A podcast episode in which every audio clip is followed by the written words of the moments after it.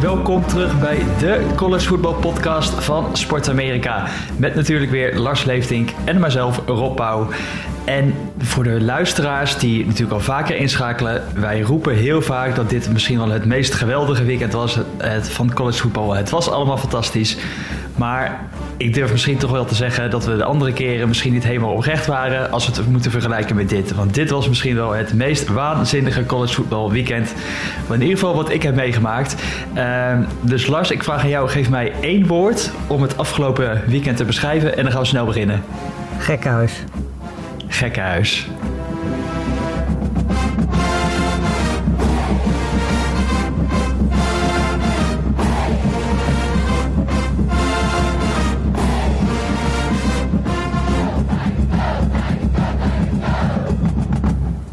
Ja, want een gekke huis was het zeker. Ehm, ik kan, ja, het perfecte woord denk ik, Lars. Uh, er is zoveel gebeurd. Ik ga heel even een korte samenvatting proberen te geven voordat wij helemaal losgaan en het uh, gaan proberen in een half uur te bespreken. Want ik weet niet of dat gaat lukken, maar we gaan het zien. Uh, Alabama nummer 1 gerankt team ging onderuit tegen Texas A&M 41-38. Oklahoma Texas in de Red River Shootout, een ongekende shootout, was het 55-48. We hadden nummer 3 Iowa tegen Penn State, nummer 4. Uh, eh, Ole Miss Arkansas, wat een enorme shootout was. Uh, Michigan en Notre Dame, allebei top 15 teams, wonnen dankzij een late field goal. Uh, natuurlijk Georgia die Auburn simpel aan de kant zette. Poeh, uh, misschien vergeet ik er nog een hoop, maar ik zeg nu gewoon... Lars, ik geef het woord aan jou en brand los. Waar wil je beginnen? Uh, de, ja, Oklahoma, Texas. Dat lijkt mij uh, de, meest logische plek. Ik heb in één wedstrijd... Oh, over de nummer 1 die verliest? Ja, absoluut. Want okay. dit, ik denk niet dat wij dit seizoen nog een betere wedstrijd gaan zien dan dit. Ehm, ik heb nog nooit in één wedstrijd zoveel momentum switches gezien als in die wedstrijd. Ehm, ja, letterlijk alles, alles zat eigenlijk in die wedstrijd. Er waren zelfs beesten op het veld. Uh, we hebben uh, ja, turnovers gezien. We hebben op de eerste play hadden we meteen een touchdown. Uh, toen was eigenlijk meteen al de, ja, de, een beetje duidelijk dat dit een, een wedstrijd zou worden die we niet snel zouden vergeten. En dat, dat bleek achteraf ook wel zo zijn. Uh, je noemde het al, eerst play touchdown. Na twee minuten speeltijd stond het 14-0 voor Texas. Ja. Uh, volgens mij was die op ESPN toch in Nederland? Ja, zeker, klopt. Dus ik hoop dat heel veel mensen ingeschakeld hebben en uh, onze tip te hard hebben genomen en gekeken hebben. En die zullen ook gedacht hebben, wat gebeurt hier? Uh, wat was het na, het eerste, na de eerste helft, 28-7? Ja, klopt, 28-7, ja. En wat gebeurde er toen? Uh, ja, veel. uh, het begon natuurlijk al met, uh, met Spencer Rattler, die net zoals vorig jaar in deze wedstrijd gebenched werd. Die, ja, die speelde weer niet echt een, een, fantastische wedstrijd. Wou weer te veel dingen doen, terwijl er eigenlijk ook makkelijkere opties waren. en die fumble was eigenlijk een beetje, in het tweede kwart was dat volgens mij, was eigenlijk een beetje het einde van zijn, van zijn wedstrijd.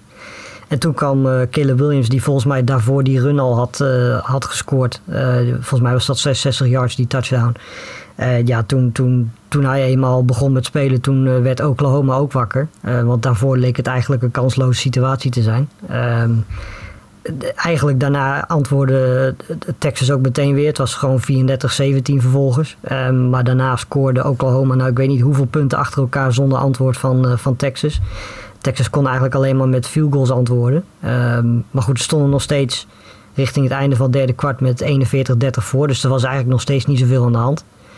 Um, ja, en toen het vierde kwart, dat, de, ja, dat was gekkenhuis. Uh, de, eerst uh, twee touchdowns achter elkaar van, drie touchdowns achter elkaar zelfs van, van Oklahoma onder leiding van Caleb Williams. Waardoor het uiteindelijk 48-41 staat met zeven minuten te gaan. Um, daar zat ook een, een bizarre catch bij van Denzel Mims, die meer dan 100 receiving yards had. Um, ik, ja, het had echt 1 mm geschild of die voet was out of bounds geweest.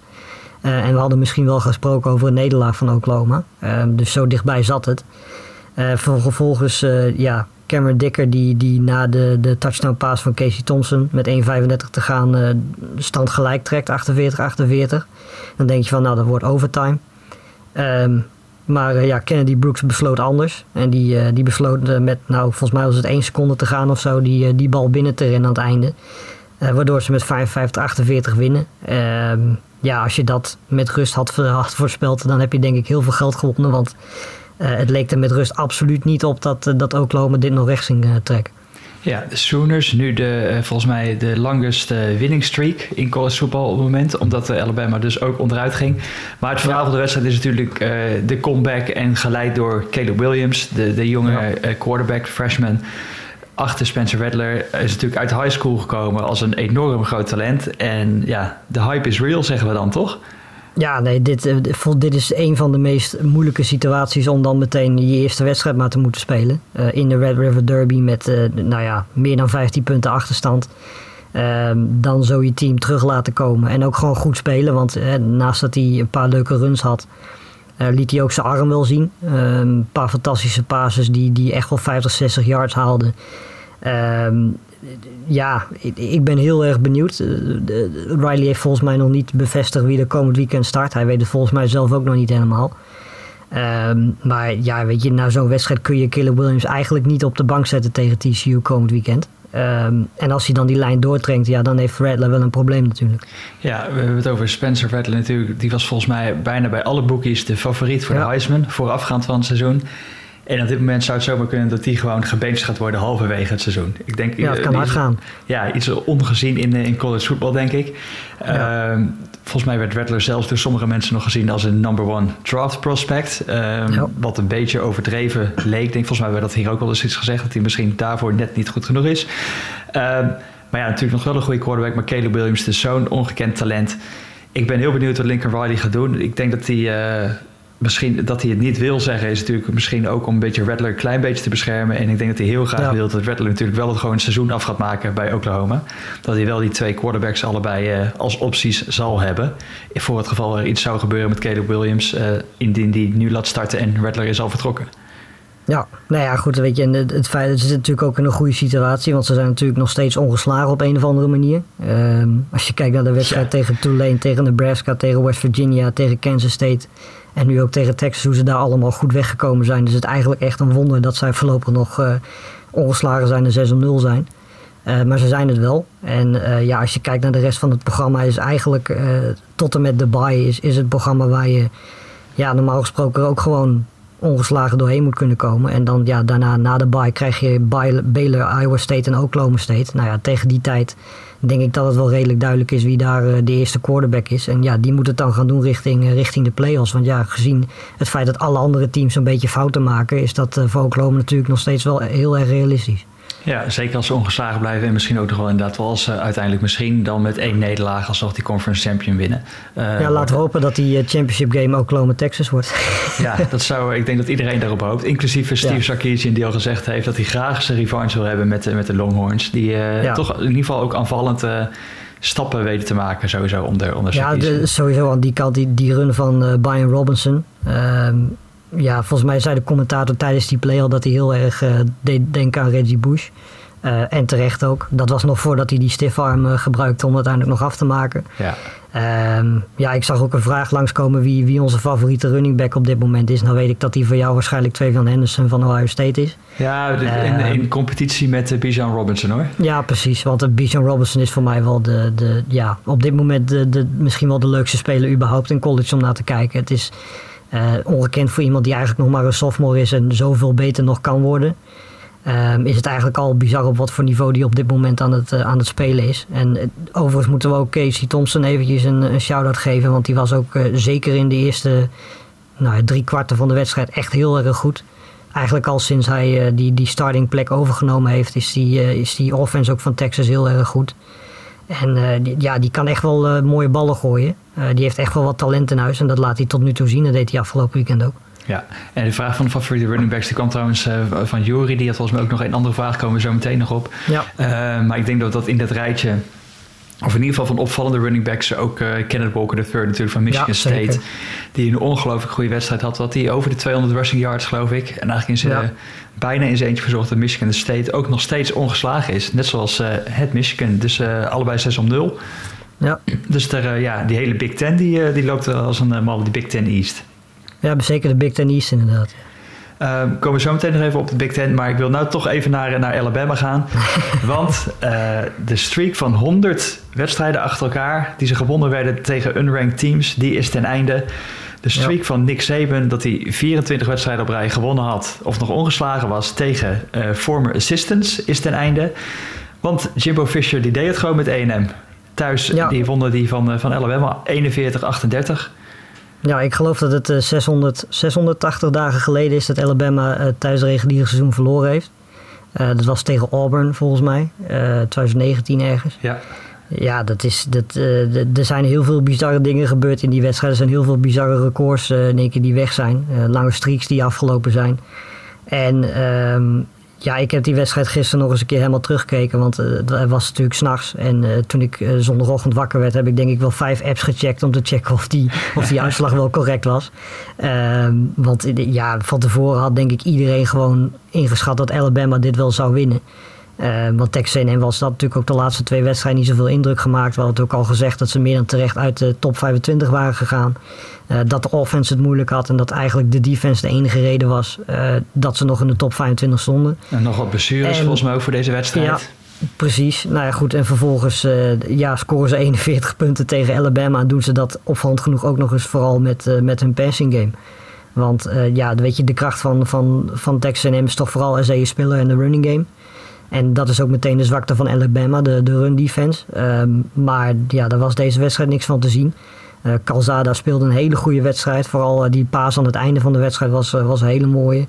Maar er zaten wel meerdere mooie pases tussen. En hij, hij kon gewoon prima meedoen met, met Bryce Young. En ja, ik moet ook wel zeggen dat Alabama echt wel kansen heeft gemist. Want Alabama had deze wedstrijd nog wel gewoon kunnen winnen. Stonden natuurlijk wel achter. Maar zeker die tweede helft speelde Alabama veel beter. En, en waren er ook een paar pases van Bryce Young die, die niet gevangen werden, die wel gevangen hadden moeten worden. En misschien nog wat coachingbeslissingen uh, ook om er wel of niet voor ja, te gaan? Of? Precies, maar goed, ja, dat, dat soort dingen moet je mee hebben als je Alabama wil verslaan. Uh, want ja, weet je, op basis van kwaliteit kan het eigenlijk amper. Um, en ja, dit was zo'n wedstrijd waarin dat dan mee zat. En dat je dan uiteindelijk met zo'n game-winning field goal uh, de, wedstrijd wint. Ja, dat is, dat is natuurlijk uiteindelijk wel het, het, meest mooie wat je als Texas A&M-fan denk ik mee kan maken. En als neutrale uh, ja, college voetbal supporter is het natuurlijk ook leuk. Want dat betekent dat Alabama nu een nederlaag heeft. En uh, ja, dat, dat, normaal gesproken haalt Alabama nog steeds de play-offs. Want het programma wat ze hebben is ook niet heel zwaar meer. Maar hmm. uh, ja, ondanks ja, dat... Nou goed, ze moeten wel de championship game van Georgia dan zien te winnen. Dat Als ze die niet winnen, hebben ze twee, two losses en dan... Ja, Nee, ja, goed, dat is inderdaad het gevaar wat je nu hebt. Die wedstrijd tegen Georgia, even ervan uitgaan dat Georgia dat haalt. Um, ja, dat wordt wel een belangrijke. Want als Alabama die verliest, gaan ze er dan nog steeds in staan. Weet je, met één nederlaag staan ze er waarschijnlijk wel in. Maar met twee nederlagen, ja, dan wordt het denk ik toch wel heel erg spannend. Ja, want Georgia die uh, versloeg Auburn 34-10. Ja, Auburn, uh, nou, die krijgt toch even een schouderklopje omdat zij zelfs op voorsprong wisten te komen. En eigenlijk de eerste team zijn die dit seizoen een offensive touchdown wisten te maken tegen de first defense uh, van Georgia. Dus, ja. nou. Maar die mogen ze op hun naam zetten dan. Ik zeggen, mogen ze mee naar huis nemen. Uh, maar verder ja, was het toch gewoon in Georgia die dominantie vooral van die defense. Uh, wederom nog geen JT Daniels, toch nog... Uh, nee, ik zou zeggen, dat doen ze met Bennett allemaal dit. En dit, ja, de laatste wedstrijden gebeurt eigenlijk allemaal bijna met Stetson Bennett. Ja. Um, dus je zou toch denken, en ook nog steeds natuurlijk al de receivers die er, die er niet bij zijn, die ja. de offensive weapons. Dus ja, er zou toch nog echt nog meer in moeten zitten bij Georgia. Ja, goed, weet je, dat, uh, ze hebben tot nu toe natuurlijk ook niet een heel zwaar schema gehad. Je kunt zeggen Clemson, maar goed, uh, de manier waarop Clemson op dit moment speelt, uh, wordt die overwinning ook steeds minder knap. Um, de komende twee wedstrijden worden nog wel boeiend thuis tegen Kentucky en na de bye uit tegen Florida. Dat, dat worden hun twee grootste. Ook, volgens mij. Nee, volgens mij uit. Dacht ik. Gaan we checken. Gaan we, gaan we checken. Ja, inderdaad, door Arkansas en Auburn hebben ze nou de laatste twee weken gehad. Ja, precies. En dan lopen dus ze toch de, met een gezamenlijke score, wat is het op buik opgeteld, uh, 71-10 ja. weg. Ja, nee, ja, weet je, veel meer indruk kun je niet maken natuurlijk. Um, en als je door Kentucky en Florida heen komt, dan ja, die laatste vier wedstrijden, die gaan ze wel winnen. Um, dus dan, dan, dan kan de focus volledig op, uh, op waarschijnlijk Alabama. Um, ja, op dit moment ziet, uh, ziet Georgia er het meest uh, onverslaanbaar uit van, uh, van alle teams in college. En staan ze ook meer dan terecht. volgens mij zelfs was iedereen het er in de A-People ook ja. mee eens. Ja, precies, dat ze nummer 1 staan. Een, een unanieme nummer 1 na vorig jaar, of is natuurlijk vorige week dat Alabama gewoon nog op één stond. Ja. Um, volgende wedstrijd die we erbij moeten pakken, want die valt een bijna een beetje niet bij al dit uh, geweld en uh, ja. wat we allemaal gehad hebben. We hadden gewoon de nummer 4 Penn State die op bezoek ging bij nummer 3 Iowa. Uh, halverwege Penn State stond nog aan de leiding. Quarterback Sean Clifford moest naar de kant, hoewel hij wel al twee interceptions had gegooid. Maar de quarterback die erin kwam, zijn vervanger, ja, dat die, was ook niet best. Te, te licht bevonden ja, op dit niveau. Nee, dat, uh, ik had eigenlijk een beetje verwacht toen hij erin kwam dat, dat Iowa. Want ze stonden achter toen, geloof ik. Ik weet niet of het toen al 17-3 of 17-10 was. Maar uh, ze stonden in ieder geval achter. Um, en met ingang van het derde kwart stond Iowa eigenlijk nog steeds achter, ondanks dat die quarterback erin stond. Um, we hebben het ook al een paar weken geleden gezegd dat, dat deze, deze ploeg gemaakt is om, eh, Iowa gemaakt is om op voorsprong te staan. Um, dat ze ook nog niet echt meegemaakt hebben dat ze achter stonden. Um, en ze moesten, moesten, dus ook gewoon meer pasen tegen Penn State. En uh, dat werd uiteindelijk wel gewoon acceptabel goed uitgevoerd. Maar je ziet wel dat ze het dan ook meteen een stukje moeilijker hebben. Want uiteindelijk is hun kwaliteit natuurlijk de defense.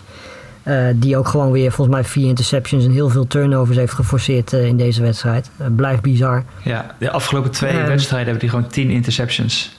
Precies, ah, ja. weet je, dat, dat, dat is echt een bizar aantal. En ja, weet je, dat combineer je dan met, met die goede run-offense die ze hebben. Ja, dan heb je een ideale uh, ideaal team om op voorsprong te staan en vervolgens ja, de, klok zeg maar, uh, uit te laten lopen.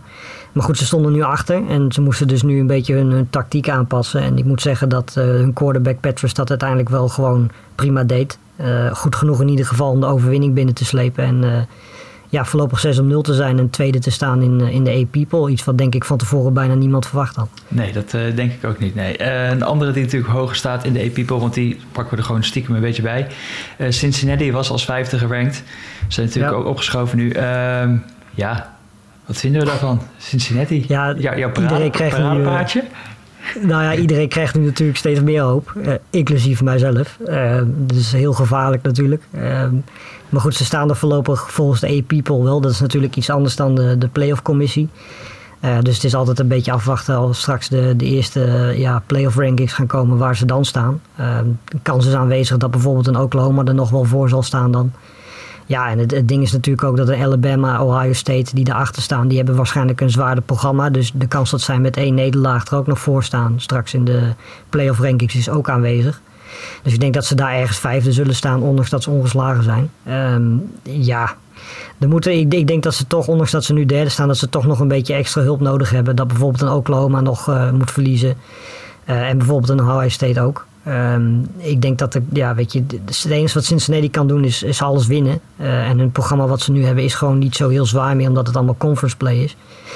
Um, dus ze zullen echt wel, wel nog wat hulp nodig hebben, denk ik, om, uh, om Oklahoma en Alabama en Ohio State uh, voor te blijven. Ja, denk ik ook. Ohio State, wat trouwens uh, aardig weer losleek, ook in de offense, 66-17. Ja. Van Maryland gewonnen, CJ Stroud geloof ik, vijf touchdown passes.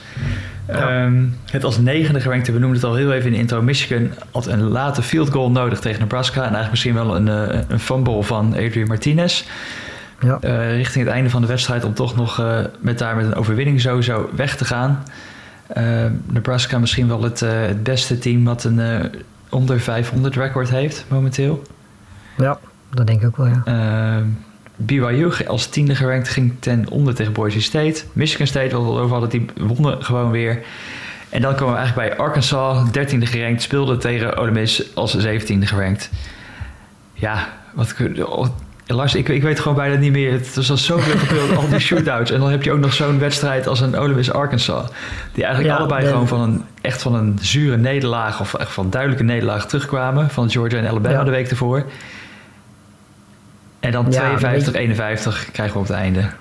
Het, het, was eigenlijk wel jammer dat dit, uh, deze wedstrijd gelijktijdig met, uh, met Oklahoma Texas was. Want de, ja, ik heb natuurlijk Oklahoma Texas gekeken. Dus die wedstrijd moest ik achteraf ook nog even, even terugkijken. Maar ik ben wel blij dat ik dat gedaan heb. Want het was, zeker de tweede helft was, was echt fantastisch om naar te kijken.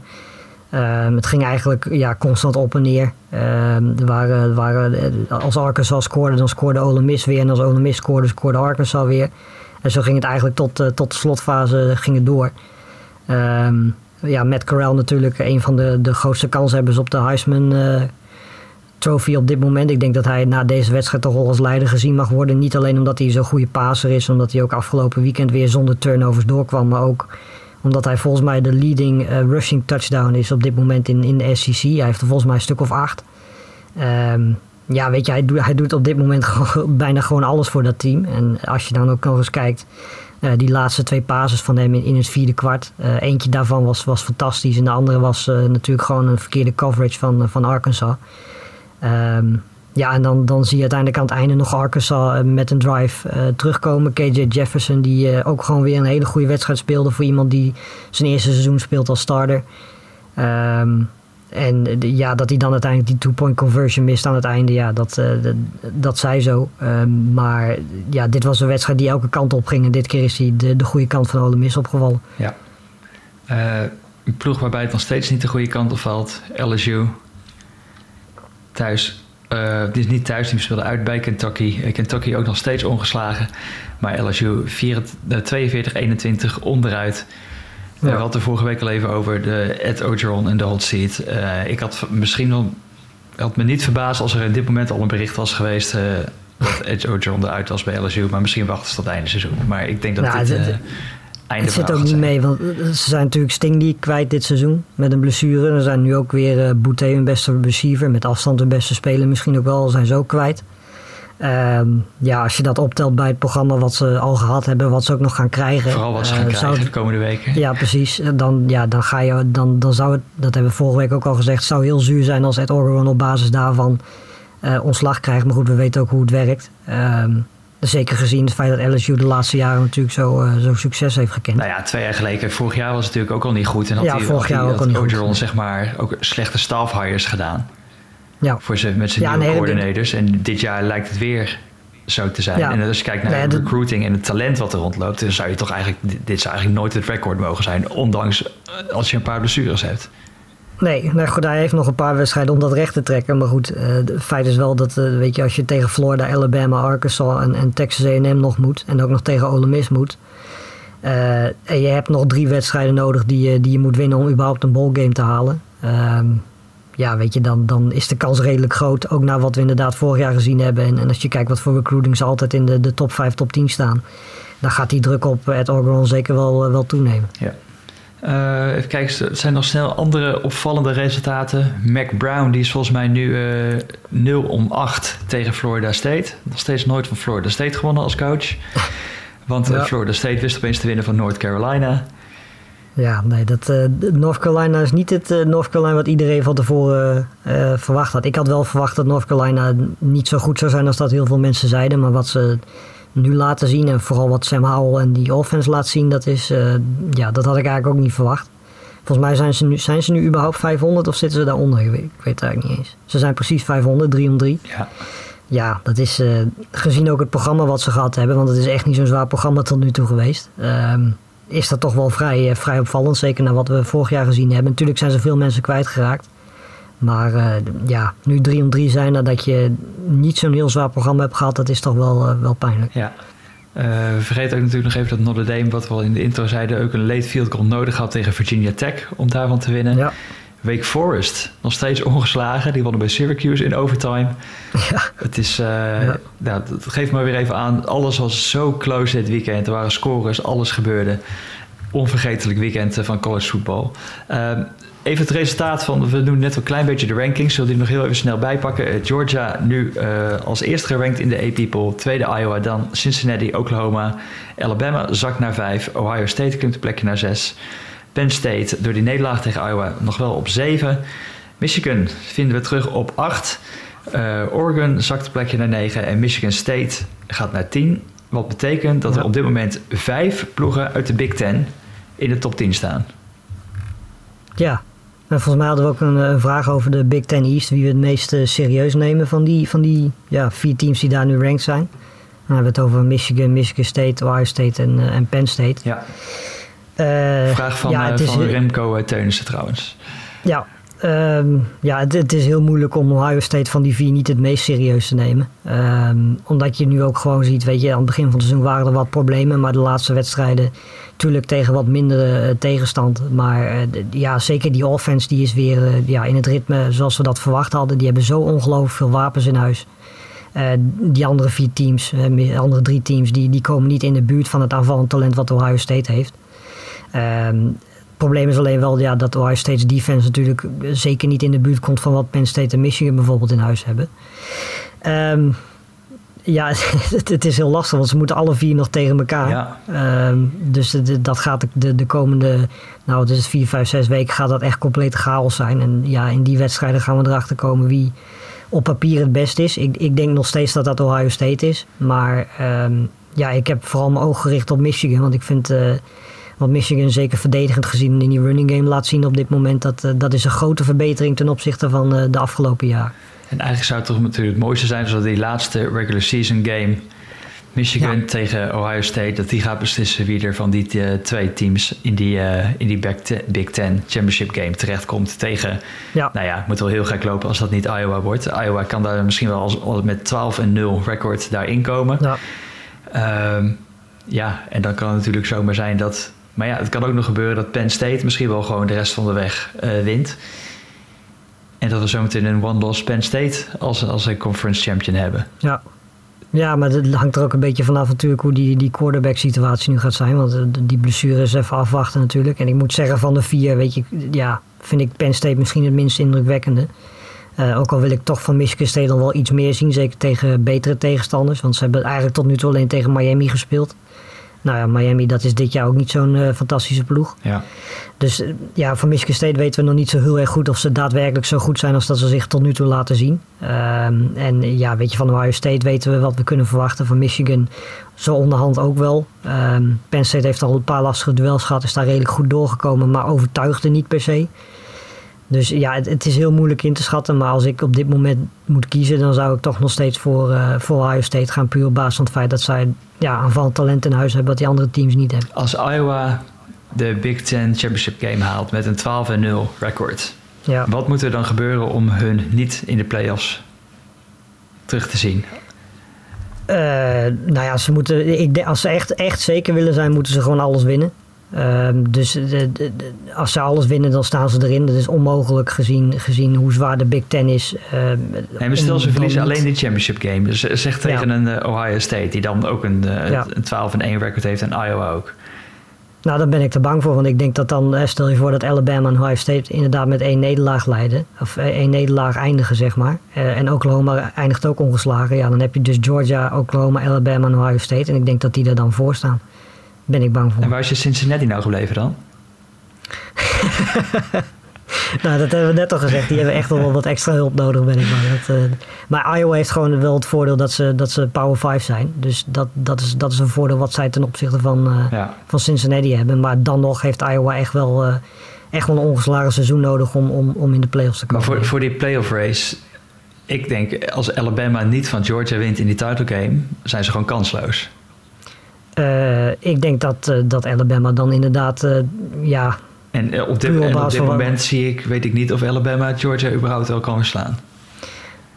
daar heb ik ook betwijfels over. Dat, dat, ja, dat moet dan vooral op, basis van de offense gebeuren. Want als, het, de, ja, weet je, als er één defense is in het land wat, wat Alabama tegen kan houden, dan is dat Georgia natuurlijk. Ja.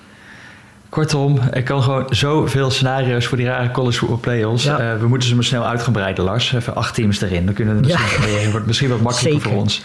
Want we vergeten Ja. gewoon even dat een Oregon op dit moment ook gewoon nog steeds maar één nederlaag heeft.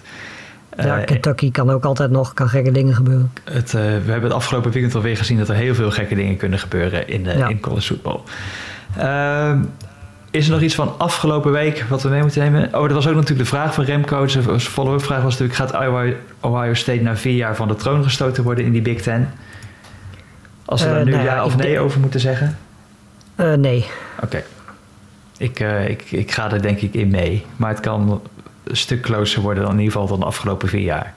Ja, zeker.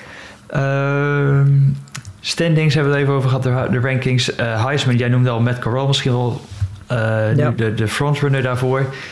Andere namen die nog steeds wel klinken, ook misschien wel Kenneth Walker III, dus die we, waar we het over hadden van Michigan State, die running back. Ja. Is, is dit misschien een seizoen waarin, omdat er niet echt een quarterback bovenuit steekt, dat, dat het misschien toch eindelijk weer eens tijd is voor een running back? Hoewel het al heel lang geleden is. Uh, nou ja, als, als, als, als John, eh, als Robinson, ehm, Walker en, en, en eh, hoe heet die andere naam van, uh, ben zijn naam even kwijt, Trevion Henderson inderdaad van Ohio State, als die zo door blijven gaan, uh, met, met 150 à 200 yards per wedstrijd scoren, dan, dan zie ik niet in, eh, gezien hoe inderdaad, hoe, hoe moeilijk de, de quarterbacks die we van tevoren ingeschat hadden het hebben. ja, dan hebben ze wel een kans. Ehm, maar goed, ik denk nog steeds, weet je, bedoel, het is niet zo dat Bryce Young, Matt Corral en CJ Stroud een heel slecht seizoen spelen. En ik denk dat dat nog steeds de drie, de drie voornaamste kanshebbers zijn op dit moment. Ehm, maar als je buiten de quarterbacks omkijkt, ik denk dat het dan redelijk duidelijk is dat je dan als eerste naar de running backs gaat kijken dit seizoen. Ja, ik denk dat CJ Stroud misschien wel stiekem aan zit te komen. Natuurlijk nu al twee weken achter elkaar volgens mij vijf touchdowns gegooid nadat hij er even uit was met die blessure. En je weet gewoon wat die uh, Ohio State offense kan doen. Uh, volgens mij zijn de odds nog redelijk, uh, redelijk gunstig voor CJ Stroud. Niet zo gunstig als vorige week, maar in ieder geval nog steeds wel. Nou ja, als die straks tegen Penn State, Michigan State, Michigan ook van dit soort wedstrijden, of in ieder geval goede wedstrijden speelt, dan, ja, dan, dan doet hij zeker mee in, de, in het gesprek zeg maar, voor, voor de Heisman Trophy. Dat doet hij nu al en dat doet hij dan zeker. Ja. We gaan dat ook allemaal natuurlijk zien. Ehm, even kijken, we hadden nog een andere vraag binnengekomen, ook van Jury. Uh, die we misschien wel op kunnen pakken voordat we vooruit gaan kijken naar de komende week. Die vroeg zich af, zijn er eigenlijk nog getalenteerde offensive coordinators, defensive coordinators of coaches die ergens headcoach in college kunnen worden of wellicht zelfs een overstap naar de NFL kunnen maken? Ja. Ik heb misschien wel één naam ehm. in, in mijn gedachten die dit seizoen wel echt uh, wel misschien wel indruk maakt, maar ik laat hem heel even aan jou eerst. Ja, de eerste die in mij opkwamen zijn de defensive coordinators van, van Georgia en Clemson. Uh, Dan Lanning en Brent Venable. Venables, moet ik zeggen.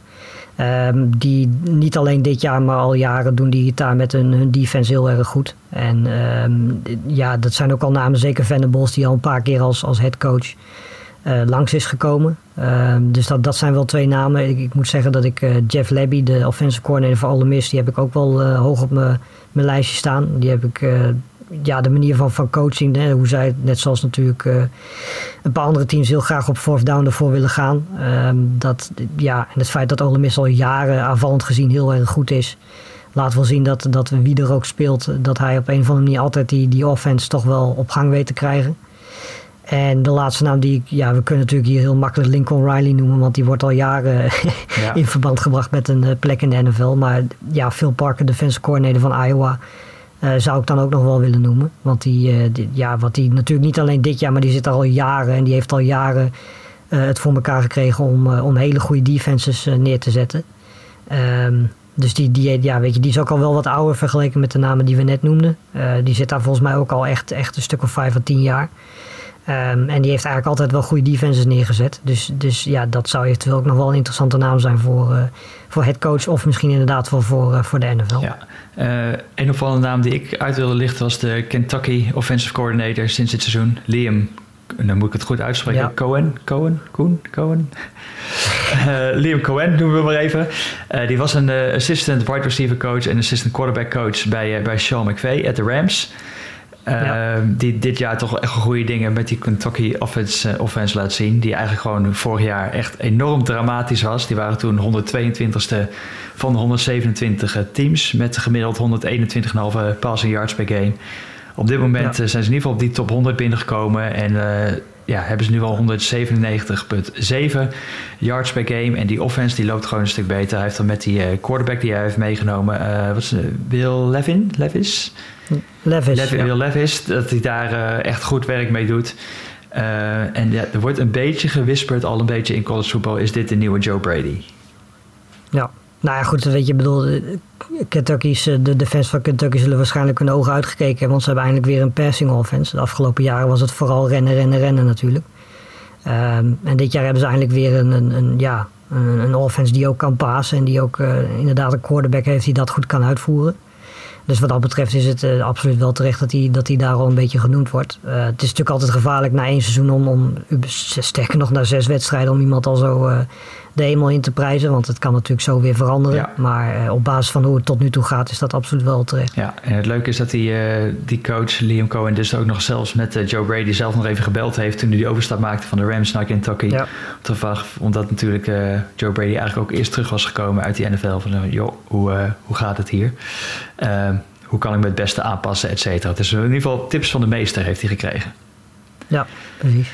Oké, okay, uh, we gaan vooruitkijken naar week 7. Uh, we zeggen wel zoals iedere week, het is misschien niet zo spannend als vorige week. maar dit keer uh, ben ik het daar uh, eigenlijk wel mee eens dat het echt wat minder is qua programma. Het kan ook natuurlijk niet uh, om dat te vergelijken met afgelopen matchups, afgelopen weken matchups.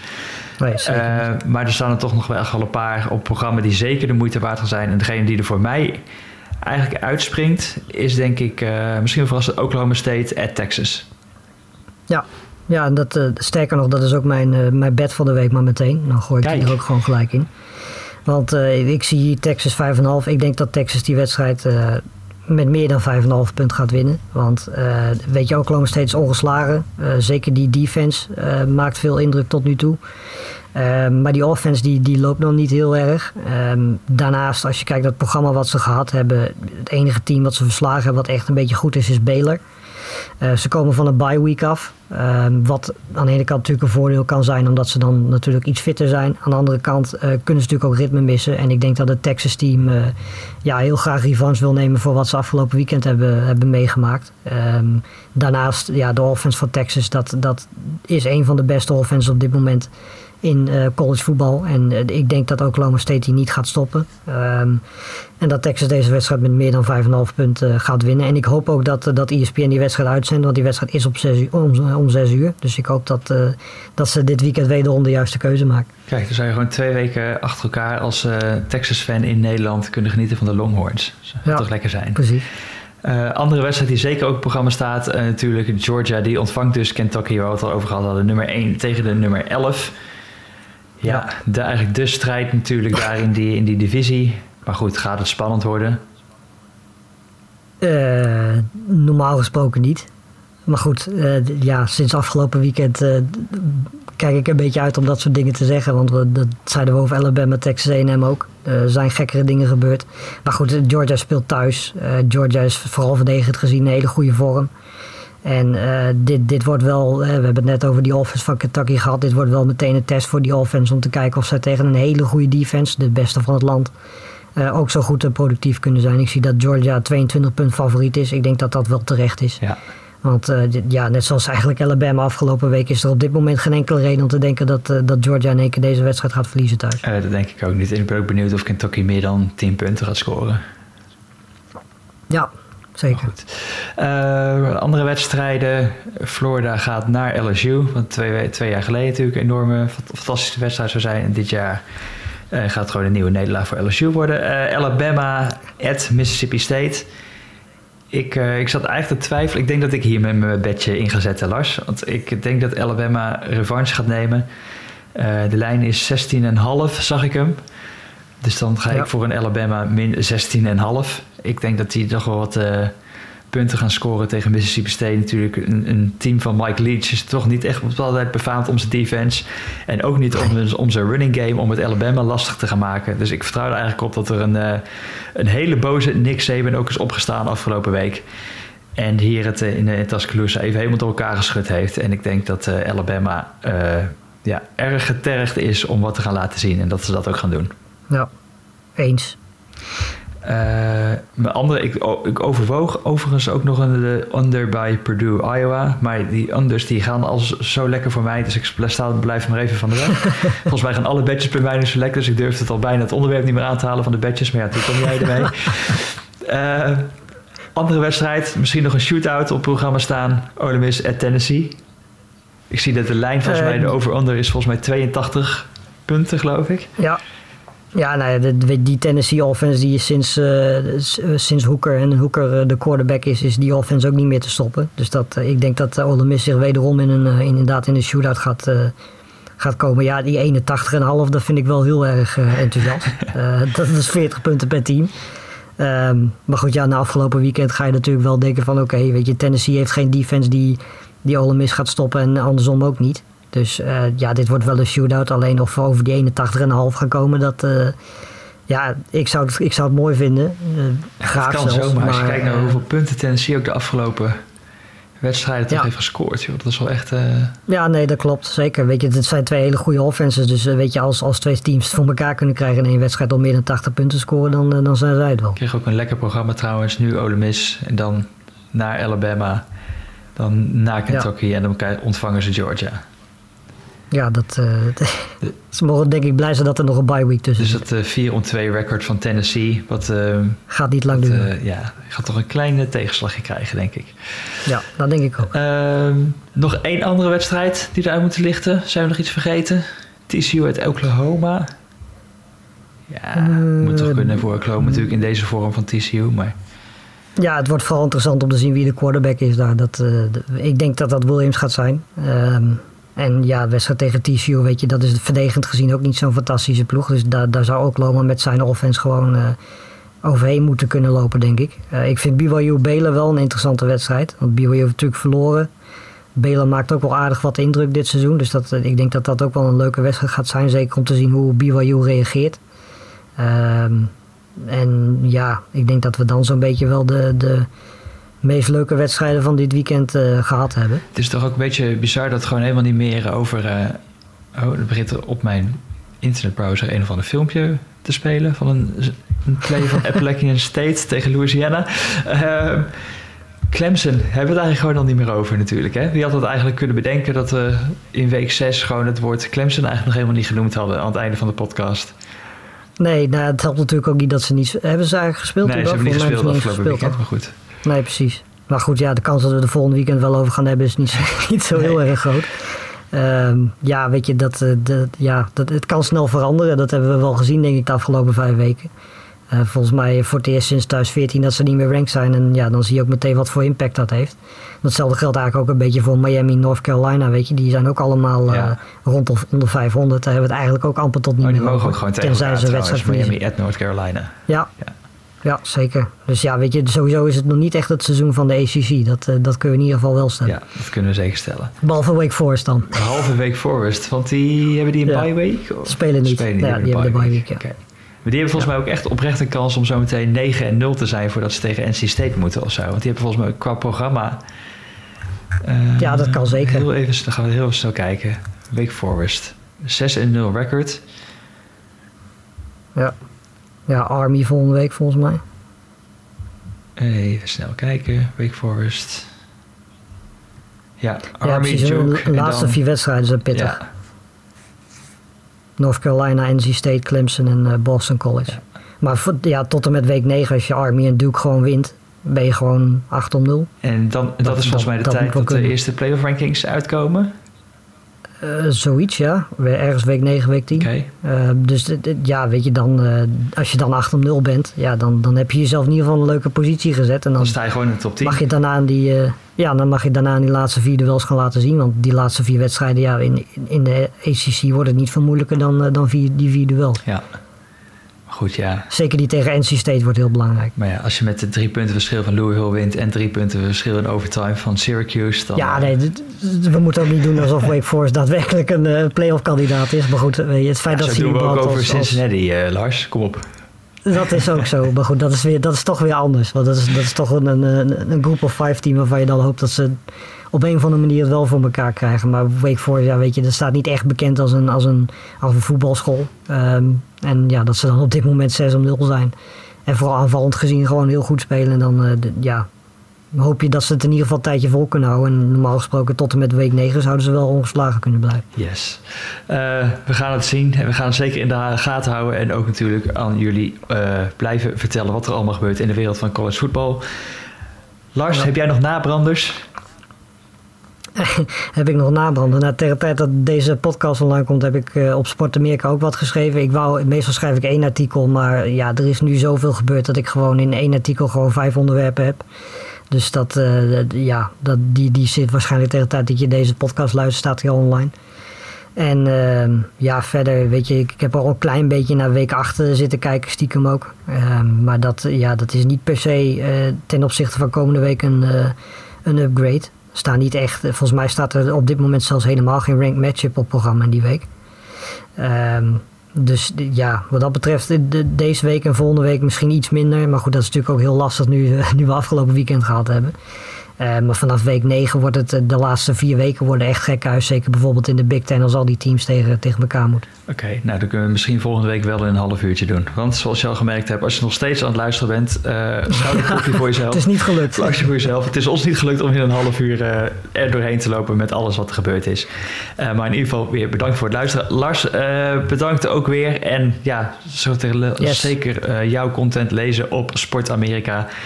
En, uh, Weet je trouwens al wat er op ESPN e komt? Nee, ik heb het opgegeven omdat het de laatste keren toch, toch niet stond. Dus ik dacht, ja, het zat er nu waarschijnlijk toch ja, dan, niet dan moeten mensen het zelf maar... dan moeten ze toch gewoon even die gids kijken. Gewoon om zes uur lekker inschakelen waarschijnlijk. En dan heb je de eerste. En als je geluk hebt, is het Oklahoma State, Texas dit weekend.